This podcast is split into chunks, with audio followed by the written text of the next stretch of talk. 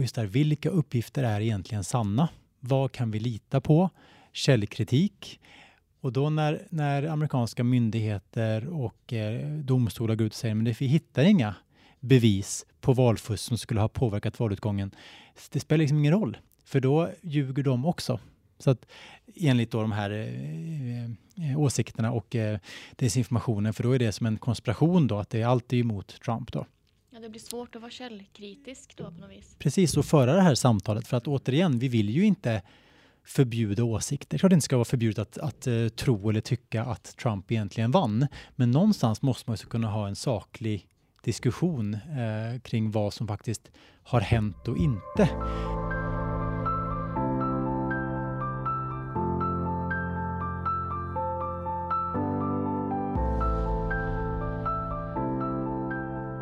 Hej och välkommen till Agera-podden. En podcast där vi på Agera Värmland tar upp frågor inom mänskliga rättigheter, demokrati och diskriminering.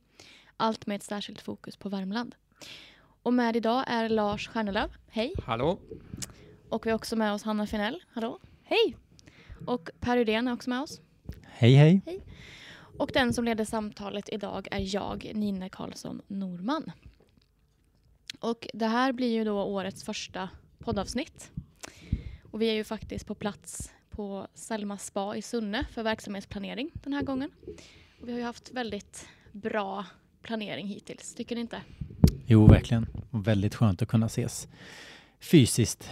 Eh, trots hur läget är i, i, överallt just nu så är det väldigt bra att kunna få planera året som kommer för vi har mycket verksamhet mm. att eh, göra. Mm, verkligen. Och det är ju inte så jättebefolkat här heller så det är bra. Nej, det var, vi är de enda som har konferens här just nu, så mm. det har mm. varit väldigt tomt och eh, bra. Mm. En till fördel med en liten organisation. Vi är spetsiga och vi kan eh, verksamhetsplanera trots pandemin. Ja, ja, precis. Ja, det är mycket bra. Jag tänkte att vi drar igång eh, vårt första segment, vilket är vår runda med aktuella händelser. Och någonting som ju är väldigt aktuellt i vår verksamhet just nu är ju arbetet med årsrapporten. Som jag tror att vi alla håller på med i nuläget. Och årsrapporten då, Hot mot demokratin, släpper vi ju i mars vanligen. Eh, med syfte att öka kunskapen om demokrati och demokratipåverkan i Värmland. Så jag tänkte att vi lite kort kanske kan ge en, en eh, sneak peek från årsrapporten från våra respektive delar. Så jag tänkte om eh, du Hanna kanske vill börja? Ja, eh, jag jobbar lite med delen med våldsbejakande extremism. Men eh, mina delar som jag sitter med i årsrapporten Eh, det är, eh, jag skriver ett segment om memes, alltså eh, humoristiska bilder och åsiktspåverkan så på nätet. Och lite hur det ser ut i de miljöerna jag följer. Eh, med olika exempel och spaningar från 2021. Och sen så gör jag också en del som är hot och hat mot media och journalister. Där jag då pratat med olika aktörer inom Värmland. Det är P4 Värmland, det är SVT Värmland och det är NVT Group och då VF i det här. Mm, Så spännande. Att, eh, ja, väldigt intressant att höra mm. dem och höra lägesbilden där för att eh, media och journalistik det är ju så väldigt många av oss får information och förstår vad det är som händer runt omkring oss och det är en väldigt viktig del av demokratin. Mm, just det. Tack. Eh, Lars, vill du fortsätta? Om vi håller fast vid våldsbejakande extremism så håller jag på dels titta på sammanställer eh, aktiviteterna från de olika eh, miljöerna. Vi tittar ju både på den religiöst orienterade miljön, den autonoma vänstern och eh, högerextrema eller radikalnationalistiska miljöerna. Nu är inga siffror färdiga än, men man, rent övergripande så kan jag väl säga att det, det ser ut uh, lite som tidigare år när det gäller fördelning mellan de olika miljöerna att det handlar ju väldigt mycket om vit maktmiljön när vi pratar Värmland. Mm. Eh, de övriga två grupperingarna eller miljöerna eh, är i stort sett osynliga, även om det finns aktiviteter eller aktivister eller ja, åtminstone personer som kanske eh, finns i, inom ideologierna så, så är det väldigt lite verksamhet både från den autonoma miljön och den religiöst motiverade extremismen. Så att eh, arbetet kommer att kretsa väldigt mycket kring vit maktmiljön som det har gjort under egentligen alla år vi har gjort rapporten. Mm. Sen hur det exakt kommer att se ut, det får vi väl återkomma till. kommer också skriva lite mer om trender som är inom miljön. Till exempel något som nu är under uppsegling är det som kallas för accelerationism inom framförallt den radikalnationella miljön. Och det vill säga att man eh, försöker på olika sätt vilja störta samhället som vi känner det idag för att kunna då bygga upp sitt eget utopiska samhälle. Det är en trend som, som kommer. Mycket flyttar ju in på nätet också så det är, ju, det är också en del som vi kommer att beröra. Så att eh, huvuddragen är lite liknande som tidigare år men inga siffror är färdiga än. Nej, just det. Tack. Och för min egen del då så, så håller jag på ganska mycket med hatbrottsfrågorna i rapporten. Eh, och även som tidigare år så är ju det dels att sammanställa statistik över polisanmälningar. Ehm, och eh, ja, då tittar vi ju på Brås statistik som de släpper. Ehm, men också eh, statistiken som finns eh, över Värmland sett. Så det kommer ju att vara med även i år. Jag har heller inga siffror färdiga. Så det får vi vänta med. Ehm, men eh, Hatbrottsdelen kommer också att ha ett reportage där vi har intervjuat en annan civilsamhällesorganisation kring just hatbrottsfrågor.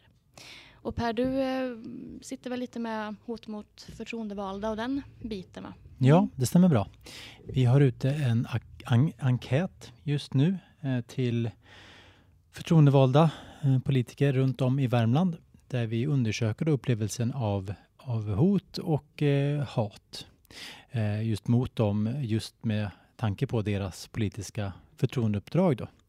Så där är inte heller, den enkäten är inte stängd än, eh, men det här är ett väldigt viktigt område att, eh, att uppmärksamma och eh, undersöka, få in upplevelser för vad man kan bli utsatt för eh, som politiker. Och det är ju, tidigare år så har det ju ofta eh, hamnat av, handlat om olika typer av hot eller hat eller påhopp på sociala medier. Eh, ofta så tror man att det är syfte att, att eh, visa sitt missnöje eller ibland också försöka påverka politiska beslut. Och det som blir viktigt sen i slutändan det är att se vad har det här för effekter? Får det här, eh, får sådana här typer av, av hat och hot eh, politiker att eh, kanske inte vilja uttala sig i alla typer av frågor eller inte kanske vilja engagera sig i lika stor grad, vilket då skulle kunna få effekter för en, för en levande demokrati i Värmland. Så det är den ena stora delen. Sen tittar jag även på vi kommer att ha ett avsnitt om eh, otillåten påverkan. Det handlar ju om när då människor försöker eh, på olika sätt påverka myndighetsbeslut. Och det kan också vara genom eh, hat eller hot mot myndighetsanställda. Så det, kommer vi också, det tittar jag också på. Då. Mm, just det. Tack hörni. Det blir spännande när vi sen släpper den här i mars. Så kan ni som lyssnar också ta del av resultaten och, och reportagen i rapporten.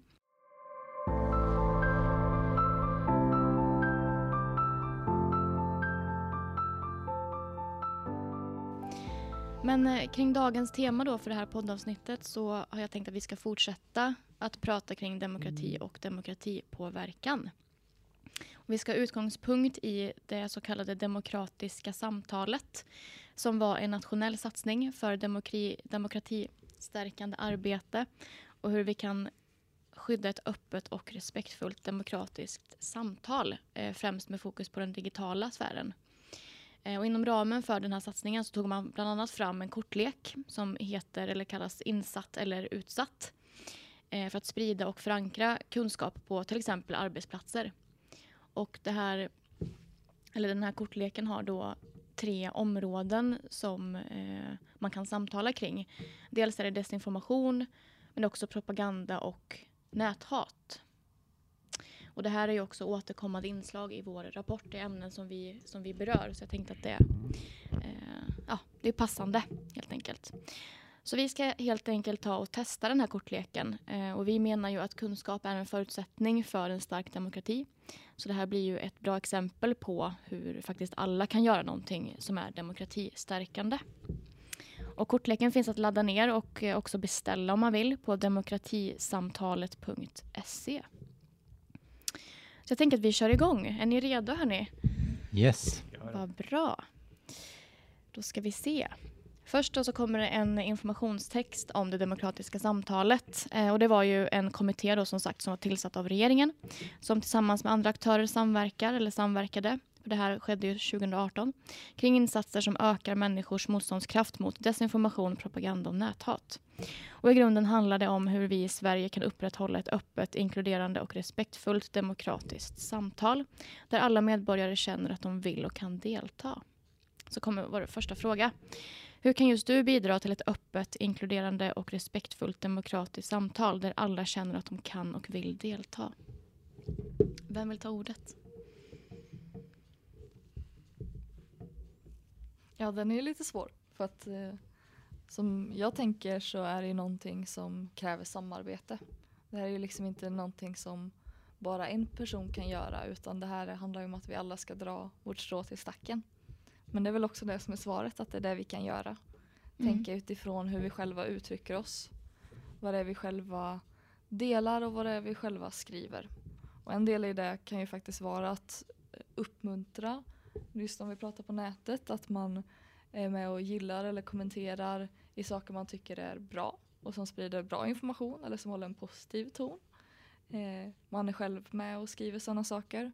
Och att man kanske inte går ut och reagerar på sådana väldigt hatiska eller extrema uttalanden så, som kan få en negativ effekt faktiskt. För det är en sak vi ser så att det kan ju vara väldigt lockande om man ser att någon skriver någonting väldigt dumt eller som vi verkligen inte håller med om. Att gå in och kommentera på den att hallå det här är fel, det här håller vi inte med om och sådana grejer. Och det kan ju vara bra ur ett perspektiv. Men tyvärr blir ju en effekt av det att det sprids mer. Eftersom saker som du är inne och kommenterar på sprids till ditt nätverk också. Och det gör att just original, det hatiska budskapet sprids väldigt långt. Särskilt då i förhållande till ett eh, trevligare budskap, man säga, som har en bättre ton. Som vi inte väljer att gå in och kommentera på då. För att det inte finns något fel att påpeka. Så att, eh, det är väl kanske en sån grej vi kan tänka lite mer på allihopa. Mm, just det. Mm. Det är jätteviktigt att leva som man lär där Ehm, och att eh, just fundera över hur man uttrycker sig när man vill vara med i det demokratiska samtalet. För det är klart att en öppen, levande demokrati är säkert inte alltid så bekväm. För det är klart att ger jag mig ut och eh, framför en åsikt eller en förändring jag eh, vill ska hända i samhället, då måste jag också kunna vara beredd på att få kritik eller att få lyssna på åsikter som inte stämmer överens med den jag har. Men här handlar det mycket om att vi ska kunna ha det samtalet på ett respektfullt sätt. Och det är väl där det ibland eh, inte riktigt går, särskilt på sociala medier där vi inte ser varandra i ögonen utan att man, eh, där blir det väldigt mycket hat istället. Så att jag tänker framförallt just på att, att, att leva som man lär, att, att själv alltid försöka vara så respektfull som, som möjligt eh, och även då försöka förstå den andra parten. Att heller inte kanske då gå, får man en väldigt vass kritik som man kanske själv upplever att det här kanske var lite väl att försöka ändå förstå den andra sidan, att man kommer från kanske olika verkligheter, olika åsikter och det kan få vara så i ett öppet demokratiskt samtal. Men att det heller aldrig ska bli så att man heller normaliserar eh, hot eh, i det här samtalet. För det när man går så långt till att hota eller att eh, det blir rent hat så har det ofta i syfte att snarare tysta än att eh, öka samtalet och diskussioner. Mm. Och jag tänker också på det här med alltså hur, vi, hur vi gör när vi inte har samma åsikter. Eh, det kanske blir otrevligt och obekvämt som du säger Per. Eh, och att ändå kunna lyssna på varandra och istället för att kanske eh, ja, men, vända taggarna utåt, våga ifrågasätta och få igång en diskussion men att göra det på ett sätt där man faktiskt lyssnar in den andra eh, och tar sig tid att försöka att försöka åtminstone förstå den andres perspektiv men att man också har rätten att säga att man absolut inte håller med. Men att det ändå går, eller ja, i bästa fall, att föra ett samtal eh, där man lyssnar. Mm. Det tycker jag är en jättebra poäng för det här handlar ju Alltså både om nätet och när vi pratar med folk i verkliga livet.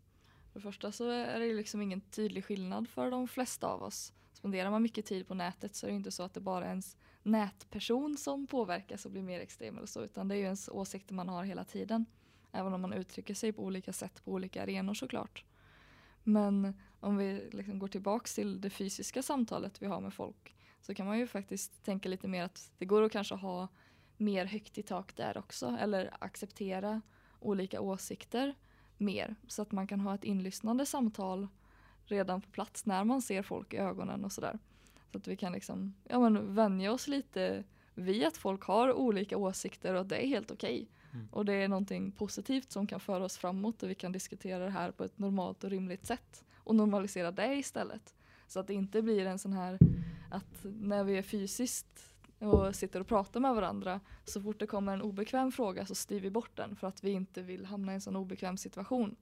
Men när vi sen istället sätter oss framför datorn då går man rakt in i de här diskussionerna och eh, istället glider in på eh, mer otrevliga samtalstoner och sådär. Så att eh, lite både och att eh, en trevligare ton överlag men att vi vågar diskutera sådana här frågor på riktigt också. Och liksom, alltså, det är ju ingenting fel att man tycker olika. Att det känns lite obekvämt då. Det som är fel är ju när vi här, om man börjar skrika på varandra eller kalla varandra skällsord eller sådana saker. Det är ju inte en del av ett demokratiskt samtal. Liksom. Nej precis, vi kan gärna eh, lämna personangreppen utanför det samtalet. Mm.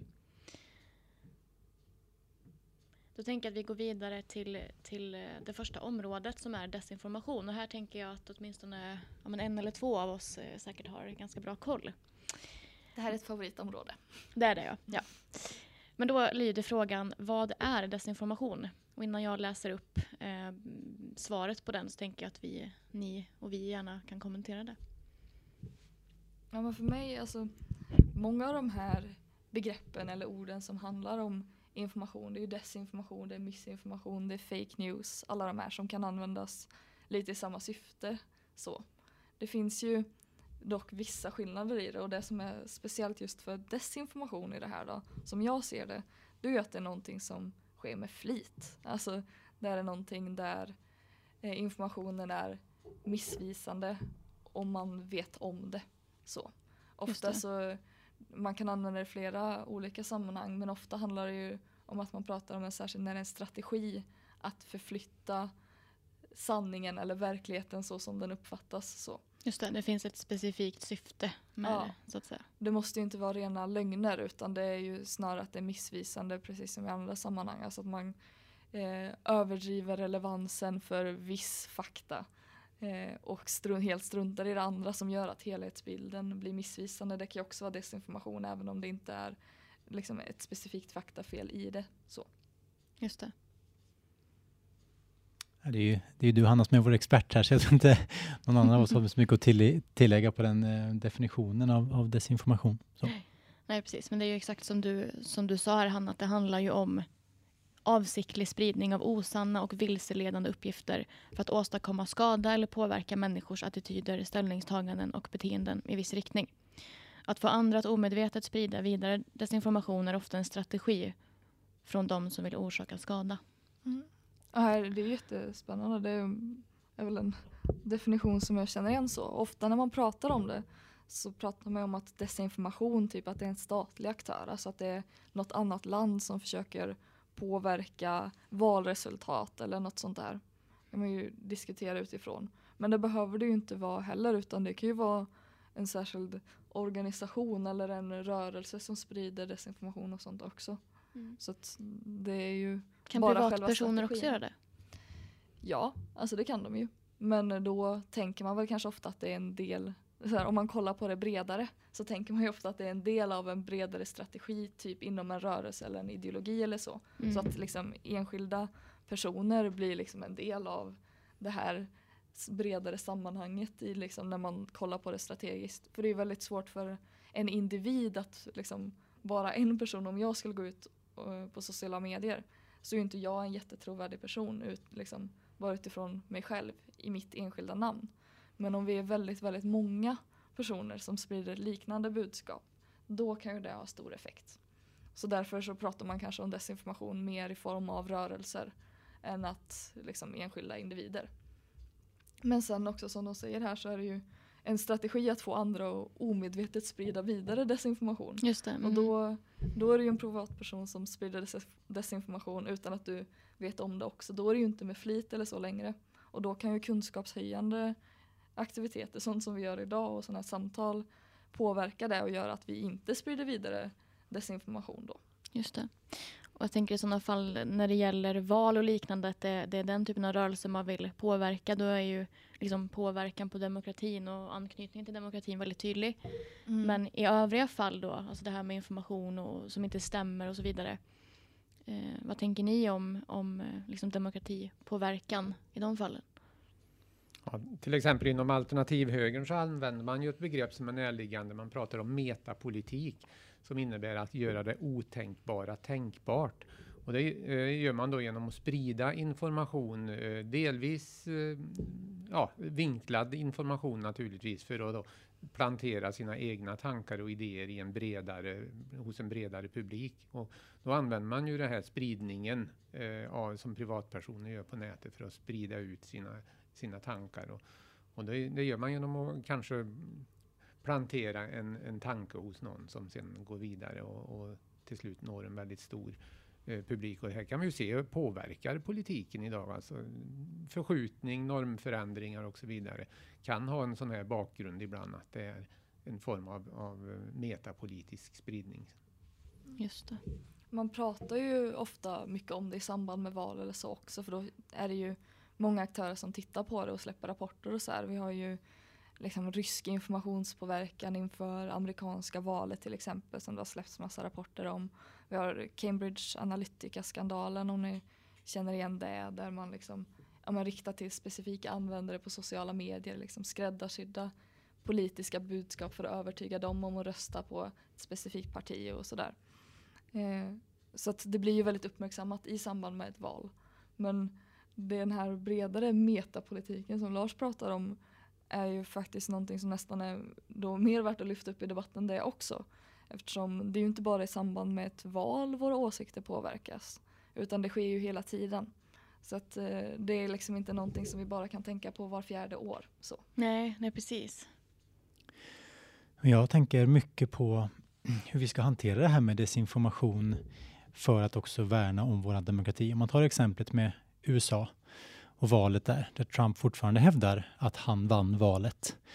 Och just där, vilka uppgifter är egentligen sanna? Vad kan vi lita på? Källkritik. Och då när, när amerikanska myndigheter och eh, domstolar går ut och säger men vi hittar inga bevis på valfusk som skulle ha påverkat valutgången. Det spelar liksom ingen roll, för då ljuger de också. Så att enligt då de här eh, eh, åsikterna och eh, desinformationen, för då är det som en konspiration då, att det är alltid emot Trump då. Ja, det blir svårt att vara källkritisk då på något vis. Precis, och föra det här samtalet, för att återigen, vi vill ju inte förbjuda åsikter. Klart det inte ska vara förbjudet att, att uh, tro eller tycka att Trump egentligen vann, men någonstans måste man ju kunna ha en saklig diskussion uh, kring vad som faktiskt har hänt och inte. Uh, och det där är ju en, en oroande utveckling på många plan. Sam, vi kan ju bara också applicera det här på, på pandemin när det florerar så otroligt många eh, olika uppgifter, inte bara om vaccin utan om viruset i sig och dess ursprung och vad det som ja, och så vidare och så vidare. Där det till slut blir väldigt svårt för den enskilde att veta eh, vad som faktiskt stämmer och inte och eh, vad man ska dela vidare och inte. Så det här är ju en stora påverkan tycker jag på våran eh, demokrati och framtiden och eh, allas deltagande. För att vad händer då till slut när vi inte kan enas om en någorlunda samma verk verklighetsuppfattning liksom i grunden? Vad händer, eh, ta USA då, när det är så stor polarisering kring en fråga kring vem vann egentligen valet där vissa är så övertygade att det här var liksom ett valfusk och vissa är så övertygade att nej, men det är klart det inte var. Det har ju utretts hur mycket som helst. När ska de här människorna mötas i en liksom framtida val? Ja, det, det, är en jätteviktig fråga för vår tid, tror jag. Mm. Mm. Det känns verkligen som det och, och också det här som står på korten här att eh, liksom desinformation är ingen ny företeelse. Det har funnits även innan internet och digitaliseringen men i de digitala miljöerna idag så möjliggörs ju en väldigt snabb spridning till väldigt många. Eh, och det är ju där liksom, ja, de förhöjda riskerna kanske ligger idag.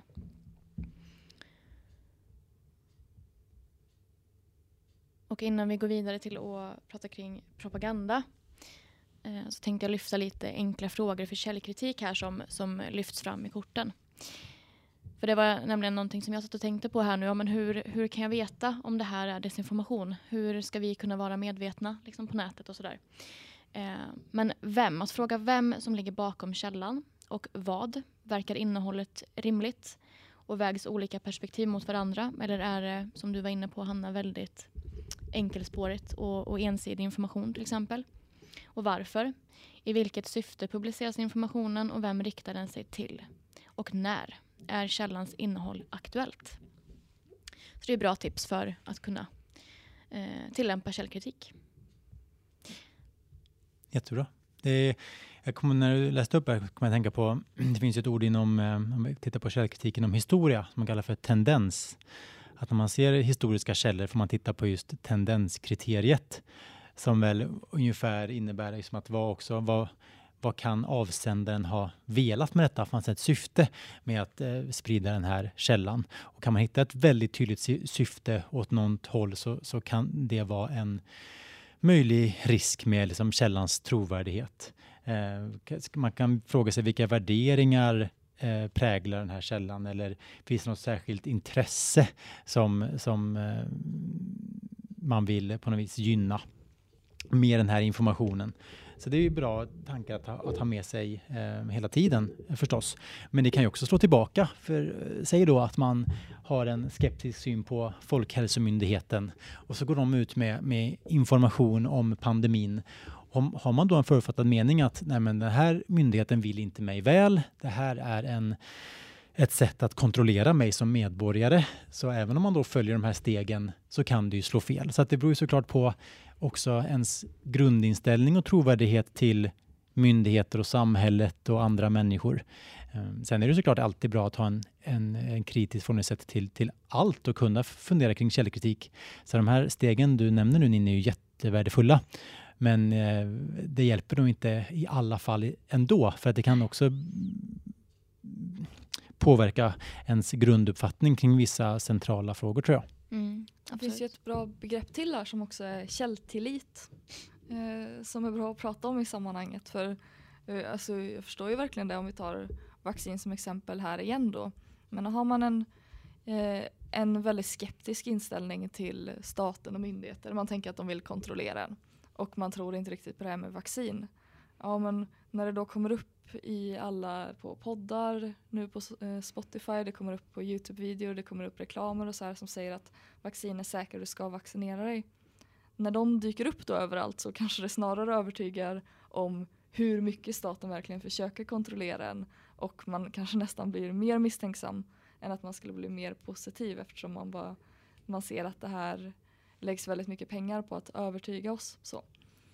Eh, men eh, källkritik kan vara bra att minnas där eftersom man faktiskt kan eh, bli för skeptisk. Så.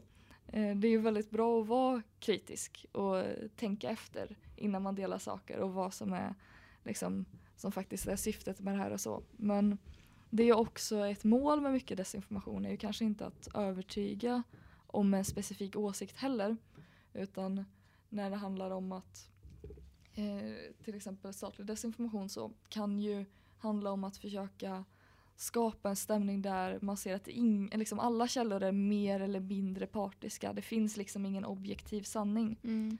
Och det kan ju då gynna sådana här aktörer som, ja, ja men typ det var valfusk till exempel. Mm. Det finns alternativ fakta sånt. Mm. Eh, en sån allmän stämning av att det inte finns någon egentligen sann information. Det finns inte fakta. Det utan finns det är olika, ingen sanning, allting nej, är falskt. Ja. Det är olika synsätt mm. är ju inte gynnsamt för demokratin och det gör det eh, Liksom det skapar stora klyftor som gör det väldigt svårt att prata med varandra. Mm. Så därför kan lite så här käll, eh, källtillit, den typen av kompetens är också väldigt användbar. Det handlar om, då kan man utgå från de där punkterna du sa med källkritik. Att så här, vem är avsändaren? Eh, varför har det gjorts och sådär. Mm. Eh, och man är ordentligt källkritisk kanske någon gång och kollar igenom vissa källor. Så. Och de som då möter upp ens krav så är man mindre kritisk mm. sen. Att man liksom vet att ja, men jag kan ta till mig det här budskapet. Mm. Eh. Det lägger ju ett väldigt stort ansvar på enskilda. Ja, det gör det. Men det, det är nästan ofrånkomligt. Så. Ja. Sen alltså, eh, vet ju jag som inte är eh, Eh, av naturen eller av erfarenheter eller långtidspåverkan eh, påverkan så skeptisk mot myndigheter är ju eh, å andra sidan positivt inställd till myndigheters och experters information och sådär. Men det blir jag ju också av att jag har läst mycket om det här. Jag har ju eh, läst mycket om källkritik och sånt. De flesta som har en högre utbildning tränas ju väldigt mycket i det här. Eh, som gör att jag vet vilka kriterier de utgår från när de tar fram den här informationen också. Eh. Ja, för det är det jag menar. Det är ju inte säkert att gemene man har liksom tillräcklig kunskap för att kunna eller orka vara källkritisk. För det tar ju tid. Nej, precis. Och det kräver liksom tankeverksamhet och tänka utanför boxen och så. Mm. Och det är därför man kan, behöva, det? det är därför man kan behöva sådana genvägar eller tumregler ja. som är ja. lite kortare. Så mm. att eh, Ja, det vanligaste är ju är det, är det fler källor oberoende av varandra som pratar om det här. Mm. Så. Eh, och alla de här kan ju träffa fel i sig själva. Men tillsammans gör de ju inte så ofta det. Eh, och kanske det viktigaste vi kan ta med oss är ju att man faktiskt kan ändra sig. Alltså det är väl det som blir den stora risken om vi liksom om vi då, om det visar sig att vi har trott på någonting som inte stämmer. Det kan vara så att det ofrånkomligt blir att man gör det ibland. Eh, när man då, när det kommer ny information, att man då tar till sig den och kan ändra åsikt. Det kanske kan vara den absolut största skyddsfaktorn eller lösningen eller om man säger att ja, om det finns vissa källor vi litar på. Eh, kommer det ny information som visar på att eh, det inte stämde, ja men då kan vi anpassa våra åsikter eller ändra oss också utifrån ny fakta. Det är väl typ det man kan göra. Mm. Tack hörni för era input. Nu ska vi gå över till att prata om propaganda och eh, det är säkert fler än jag som är lite osäker på vad skillnaden mellan propaganda och desinformation är. Jag tänker att de här områdena säkert kan överlappa. Det gör de ju. Det gör de, ja. Mm. Um, är det någon som känner sig manad att beskriva vad propaganda är? Annars så har vi ju en, en utförlig beskrivning här i kortleken. Ja, men jag kan väl börja igen. Alltså att propaganda är ju för mig ett negativt klingande ord. Alltså det har ju kopplingar till andra världskriget och Nazityskland och Sovjetunionen och deras ja. informationskampanjer så. Ja precis, för det tänker ju även jag på. Ja. Um. Sen bety behöver det ju inte, det betyder ju inte någonting negativt i sig. För mig propaganda är ju lite samma som PR, reklam. Man kan använda ett positivt ord som stat och säga strategisk kommunikation och säga exakt samma sak. Men just propaganda i sig är väl ofta negativt klingande. Det, är det så att propaganda är eh, något snävare i sin betydelse på något vis? Nej, det skulle jag säga det kan användas väldigt brett det också. Propaganda behöver ju inte vara falsk information. Men Nej, just, just inneboende i det är väl att man försöker, alltså här, propaganda har ju en agenda. Det har ju ett mål att påverka folks åsikter. Så. Mm. Eh, påverka folks syn på ett särskilt land, påverka syn på eh, användningen av statliga medel, påverka syn på en organisation, på ett varumärke, ja, sådana grejer. Ja, precis. Ja, just det, vi kanske ofta pratar om propaganda i en negativ bemärkelse som något som används för att göra ont. Eh, men att ja. det behöver inte alltid eh, vara i det syftet. Om Nej, jag förstår det rätt. Det måste det inte vara. Vi är på väg in i en valrörelse nu och då där ju, blir det ju mycket propaganda. Alla valaffischer och valmöten och mm. där man då propagerar för sin politik. Och det är ju ett väldigt öppet sätt att använda propaganda som, som är uppenbart och inte behöver då vara negativt utan det, eh, man är öppen med att man vill påverka andra med sin uppfattning. Och, men man sprider det inte i någon, något falskt syfte utan man är ju öppen med det man gör. Precis. Precis, och väljer utvalda delar Eh, alltså lyfta fram det som är det som är bra på det man har gjort eh, och så vidare. Att man verkligen är, eh, ja, det som du nämnde Hanna, det är PR också. Att man väljer väldigt tydligt i sin kommunikation för att lyfta fram valda delar och inte ta med kanske sådana saker som har misslyckats eller om man får den frågan kring misslyckande så, så vill man kanske inte svara på det. Eller, så därför tänker jag just det här med propaganda att finns, en, en, finns det strukturer och och lagstiftning gällande transparens så kan ju ett samhälle och en demokrati klara av en viss form av propaganda eh, som är av det här slaget. Att det är klart att politiska partier eller andra som vill påverka, det kan vara organisationer, kan ju använda sig av propaganda, som du säger Lars, att man propagerar för sin sak och det behöver inte nödvändigtvis vara ett hot mot demokratin. För att har vi då system som gör att ja, men vi kan ju granska politiska beslut, man kan anmäla våra makthavare, eh, man har en fredlig övergång av makt om man förlorar ett val och så vidare, så har man ju andra system som räddar upp det.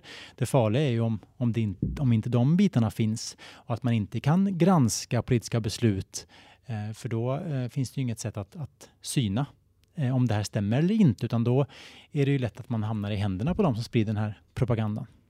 Mm, jag tänker det är bra som man tittar på med propaganda då, alltså det är ju ja, men om den är legitim eller illegitim, alltså hur bra eller, eller skadlig den kan vara. Det är ju utifrån ett, det ena det här, alltså ja, men hur hög sanningshalt är det? Är det väldigt, innehåller det ja, men jättemycket falsk information, då är det ju dåligt. Men innehåller det saker som faktiskt stämmer och är sant, om man vill lyfta upp och visa en sann sida, ja men då behöver det inte vara något dåligt. Och den andra grejen är väl också hur tydlig man är med vad det är för någonting. Alltså i en valkampanj, ja då vet ju alla att en valaffisch är ju till för att påverka folk och få en att rösta på det. Men är det någonting som ser ut som en nyhetsartikel i en tidning till exempel och det är ett väldigt tydligt eh, liksom ett underliggande budskap så som försöker påverka folk och rösta på ett särskilt sätt eller så. Då är det ju mindre legitim för att det inte är ärligt vad syftet med texten är. Eller så. Ja, det känns som att det blir mer komplicerat eh, om man liksom blandar propaganda och desinformation hit och dit och att då får vi eh, liksom ännu mer eh, problem helt enkelt. Det blir ännu svårare att reda ut vad som stämmer och vad som inte stämmer. Ja. Och, ja. Går ju inte att ha ett demokratiskt samtal utan att folk försöker påverka vad folk tycker. Nej, liksom. precis. Det skulle ju vara jättekonstigt. Men eh, det är ju bra att det finns sån här att man kan tänka utifrån mer av en glidande en skala liksom. Ja. Med, ja, men, kring sanningshalt och kring hur ärligt det är att vi visar på att vi faktiskt försöker påverka nu och hur mycket framställs det som ja, någonting annat. Precis. Om vi ser till beskrivningen i kortleken då så, så beskriver man propaganda som budskap där avsändaren vill få mottagaren att ändra uppfattning och beteende. Inom denna definition ryms marknadsföring och politisk påverkan från till exempel politiska partier och intresseorganisationer. Men propaganda brukar också ges en snävare betydelse.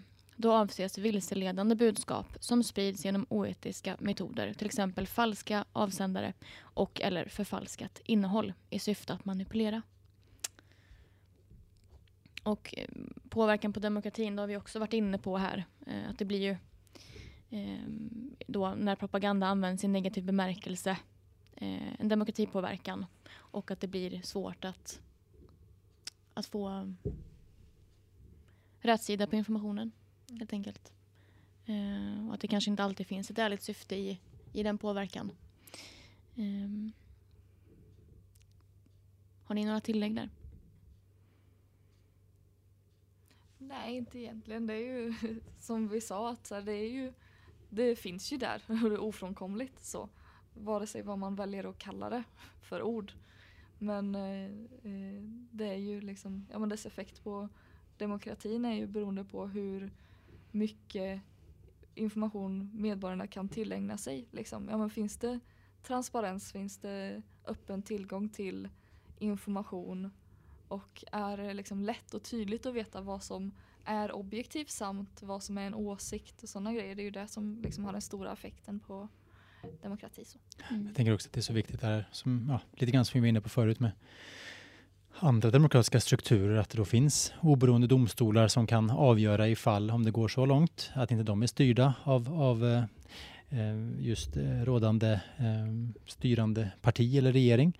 Men också inte heller glömma oberoende media. Alltså hur viktigt det är med, med granskande journalister, att man kan granska makten och granska olika, olika information, olika källor.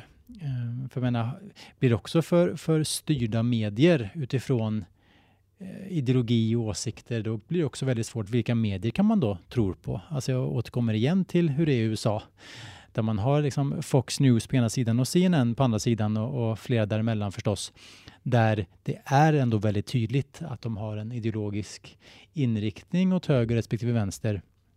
som gör såklart att vissa eh, delar kan liksom ifrågasättas från motparten att ja, men det säger de bara för att, för att de är Fox News. Eller det säger de bara för att de är CNN. Det är inget konstigt. Alltså, och just det här att visst, det kanske inte, fanns, det, det kanske inte finns en helt objektiv sanning. Så att, att tro att att det inte finns någon bias någonstans eller i Sverige, det är ju väl naivt.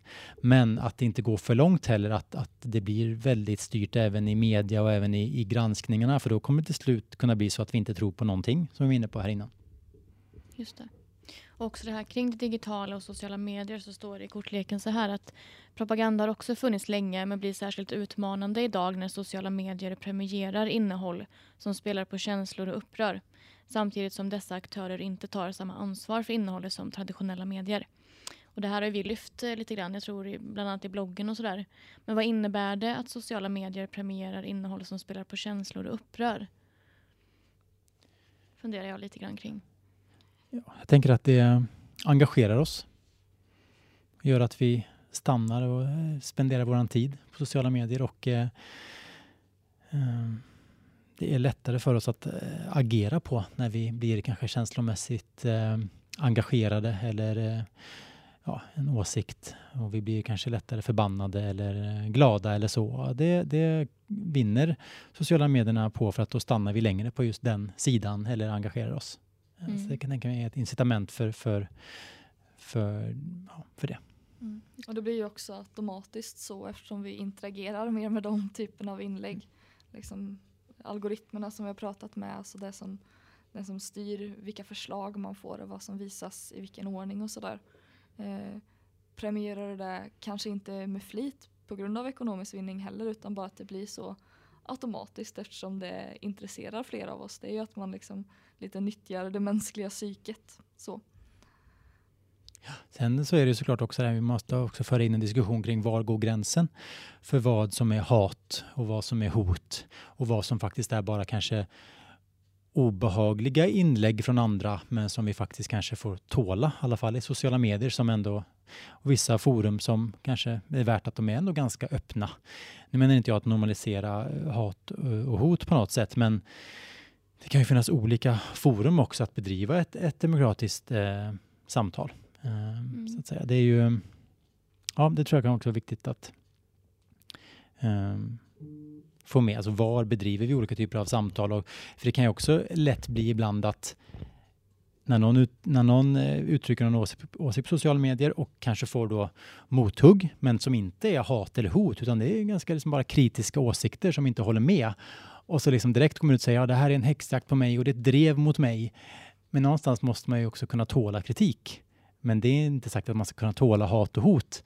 Ehm, men det där är också en farlig sak att inte heller vilja ta i andra åsikter för då skyller man på att nu, nu drevar ni mot mig här. Men det är kanske så att det är väldigt många som inte håller med dig bara. Men inte glömma bort att det, det demokratiska samtalet måste tror jag, föras också på olika arenor. Eh, nätet, så sociala medier är ju en som vi inte kommer ifrån förstås, för där är det så många av oss som befinner oss. Men jag tror att det är viktigt för, för alla som engagerar sig också att hitta andra arenor. För att menar, sitter du och, och diskuterar med en grupp människor eh, face to face så blir det ju helt andra reaktioner eh, från någon som inte håller med än i en Instagram-tråd. Eller ännu värre, en Twitter-tråd. Ja. Mm. Och slutligen här då på området propaganda så har den här kortleken en del tips för att kunna tänka efter även här. Eh, första punkten då. Den som erbjuder enkla lösningar bör granskas extra noga. Eh, att man ska tänka efter innan man delar saker på sociala medier. Eh, och en fråga man kan ställa sig är om informationen verkar vara för bra för att vara sann. Och då kan den ju oftast vara det.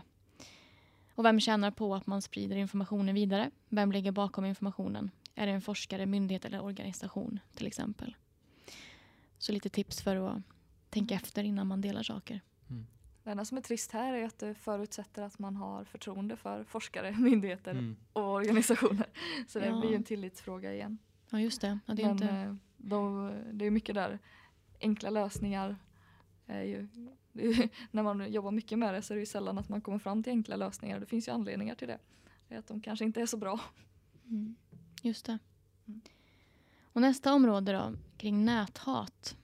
Och då är frågan, vad är näthat?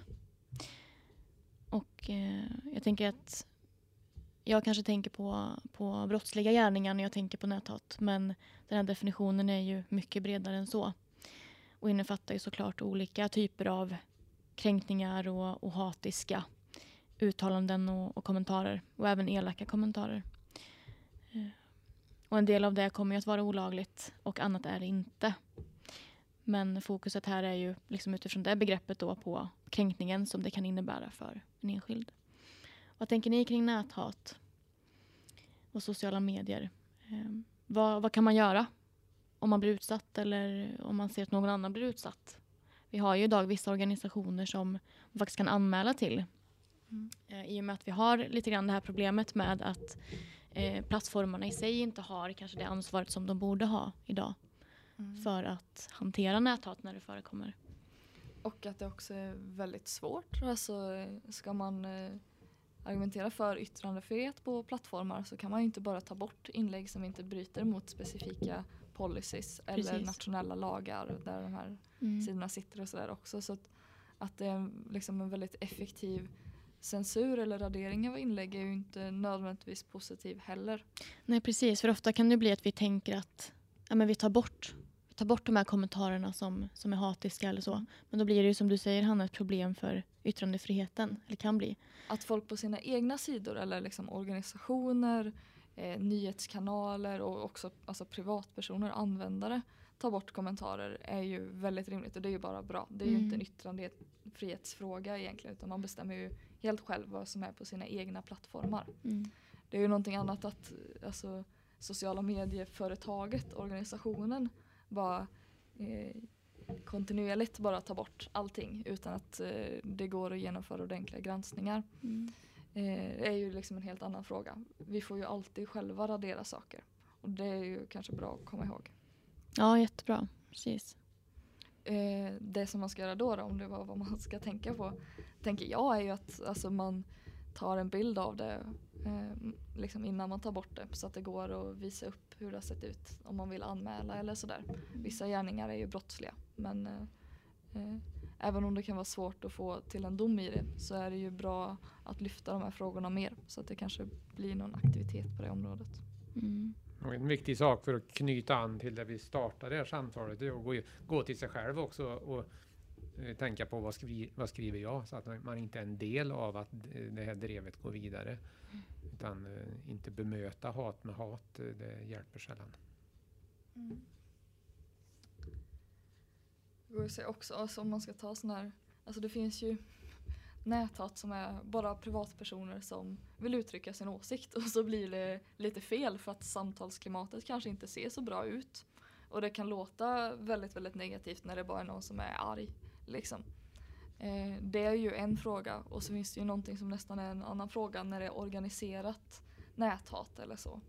Alltså, vi vet ju att det finns sidor som där de samlar ihop personer som samtidigt går in och kommenterar väldigt negativt på olika inlägg eller Youtube-videor eller sånt. Där det kanske normalt sett inte är jättemycket kommentarer. Jag tänker mm. många nyhetskanaler och så kan ju ha liksom tre, fyra kommentarer normalt sett. Men om en sån här eh, liksom, att det organiserat går in så kan det helt plötsligt bli 40 supernegativa kommentarer som är väldigt, väldigt hatiska. Och det kan ju vara väldigt svårt att hantera. Det kan vara både organisationer och privatpersoner som tar emot det. Och det är ju liksom nästan en, det är en helt annan fråga. För det är ju inte samma sak som när någon enskilt sitter och bestämmer sig för att göra någonting. Så. Eh. Nej, precis. Eh, men någonting som jag tänker att alla kan göra som de också lyfter i den här kortleken det är ju att för att generellt sett på nätet och i sociala medier så är det ju det är ju lite av en, en fri eh, spelplan för de som ändå väljer att, att näthata. Det kan vara svårt att komma åt och man kan vara anonym och så vidare. Eh, vårt rättssystem tar sig inte riktigt in där alltid. Eh, så hur kan vi liksom hur kan vi hjälpa till och stötta eh, när näthatet väl förekommer? Och det de lyfter här då är ju att vi alla kan gå in och kommentera eh, stöttande för den som har utsatts för näthat om det går i liksom ett kommentarsfält för att ja, göra någonting och visa civilkurage till exempel. Det finns ju sådana typ organisationer och sånt som gör det också på samma sätt som mm, folk okay. går in med hat så kan ju folk gå in eh, med positiva kommentarer mm. eller åtminstone mer nyanserade och objektiva mm. kommentarer. Jag är här är ett sånt nätverk till exempel. Ah, jättebra. Ja. Det är jättebra för det innebär ju per definition att näthatet får lite, lite mindre utrymme eh, och positiviteten lite mer. Och det är också viktigt i det demokratiska samtalet liksom vilken ton som får utrymme och ja, olika sätt som vi kan påverka där helt enkelt. Så det är bra. Ja, men verkligen. Jag tror också att ibland blir, blir begreppet näthat lite, kan jag tycka, lite missvisande och ibland eh, kanske inte tas på så stor allvar, för det låter bara som att ja, men det är bara hat och det, och det, och det är väl inte så stort problem alltid, det får man väl ta. Men näthat, i alla fall för mig, så innefattar det även rent brottsliga handlingar som olaga hot och så vidare. Eh, och det ska ju polisanmälas förstås. Eh, men jag tror också det är viktigt, som ni var inne på här, just det, det positiva. För det kommer, menar, man är ju naiv och, och, och, man tror att man kommer kunna bli av med näthat eller hatiska kommentarer som kanske då inte är brottsliga utan mer går över gränsen och är osakliga och personpåhopp och sådär men som kanske då inte är brottsliga, eller i alla fall ligger på gränsen, där man vet att det kommer vara väldigt svårt att lagföra. Eh, det, det, tror jag man är för naiv och tror att man kommer få bort det. Men för det finns alltid personer som vill provocera och det är möjligt att göra det anonymt och så vidare. Men som säger att är merparten av diskussionerna och inläggen positiva eller i alla fall sakliga i sin kritik så tror jag man liksom vinner över de hatiska. För det är ibland lätt att man går, går igång också på att oj, nu finns personer som hatar här. Men det kommer alltid finnas några få. Sen menar inte jag att på något vis att normalisera och att det får man ta. Men jag tror att det är i ett sådant öppet eh, klimat som du nämnde Nine så, så kommer det bli så. Vi får inte heller bli alltför pessimistiska och tänka att hatet tar över överallt, utan för det finns ju några personer som tycker, vill provocera och vet också att det är ganska effektivt. För att en hatisk kommentar trumfar nog ganska många positiva. Säger man inte ja. att förringa problemet, men... Men tyvärr är det ju så. Ja. Vi har en tendens att också fokusera på kanske det negativa snarare än det positiva många gånger. Sen ska man absolut inte förringa näthatet såklart inte, men att det finns också mycket positivt. Precis, och, och sen vi gjorde ju en eh, kampanj för några år sedan när, vi, när jag åkte ut och föreläste för framförallt föräldrar och lärare kring eh, hat och hot på nätet och trakasserier på nätet. Och jag tycker också att det blir en annan, lite annan fråga när vi pratar om barn och unga.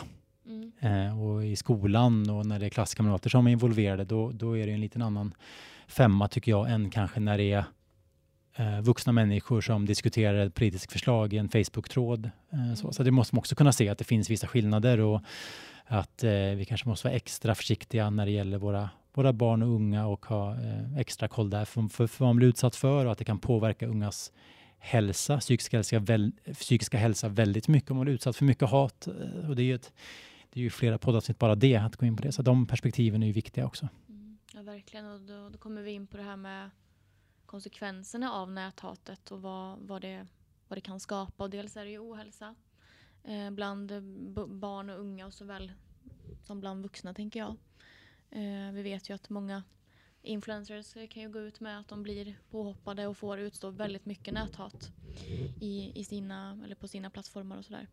Men eh, någonting annat som den här kortleken också lyfter är ju att i förlängningen så kan ju näthat och sådär eh, som påverkar i olika Eh, personers eh, kanske beslutsprocesser eller, eller bara val av att yttra sig kring olika frågor eh, kan påverkas och det kan leda till att färre vågar säga vad de tycker. Ehm, så att även yttrandefriheten som ju är en viktig grundpelare i demokratin kan ju i förlängningen påverkas av näthat. Ehm. Viktigt att lyfta där också att näthat ganska ofta slår lite ojämnt. Alltså alla utsätts ju inte lika mycket. Och eh, till exempel att eh, vara offentlig med att man är kvinna på många plattformar innebär att man utstår en helt annan typ av osakliga kommentarer. Och mm. eh, ofta, mycket forskning visar ju på att kvinnor får utstå eh, en hel del mer hat på många plattformar. Eh, eller, men liksom alla diskrimineringsgrunder egentligen också. Det är ju också etnisk bakgrund, hudfärg, religiös tro, mm. eh, sexuell läggning, sånt. Och eh, om det är specifika grupper som vi också då kan säga är en väldigt stor mängd av människorna i samhället eh, som tillhör åtminstone någon av de här grupperna eh, utsätts mycket mer så blir det också ojämnt vilka som är bekväma att uttala sig och vistas i det offentliga rummet som mm. vi ändå får säga att sociala medier är idag. Just det. Jätteviktigt. Vilka, vilka bra diskussioner vi fick igång. Eh, det känns som att eh, jag fick med mig både nya kunskaper och liksom andra eh, ja, men, tankeställare från den här kortleken. Så att jag skulle varmt rekommendera den och att andra också kan ja, men, köra kortleken på, på arbetsplatsen eller sådär till exempel. Eh, för att prata lite kring demokrati. Det här är ju inte sådana vardagsämnen direkt kanske. Men eh, det finns ju många aktörer som vill bidra till ett samhälls, samtalsklimat som kännetecknas av saklighet, öppenhet och respekt. Och vi alla kan och måste hjälpas åt att skapa det samhälle och det samtalsklimat vi vill ha. Så med det sagt får jag tacka för dagens samtal och också tack till dig som har lyssnat. Agera Värmland finns ju på sociala medier. Du kan följa oss på Facebook, Twitter, LinkedIn och Instagram. Och mycket information hittar du också på ageravärmland.se. Hej då! Hej då! Hej då! Hej hej!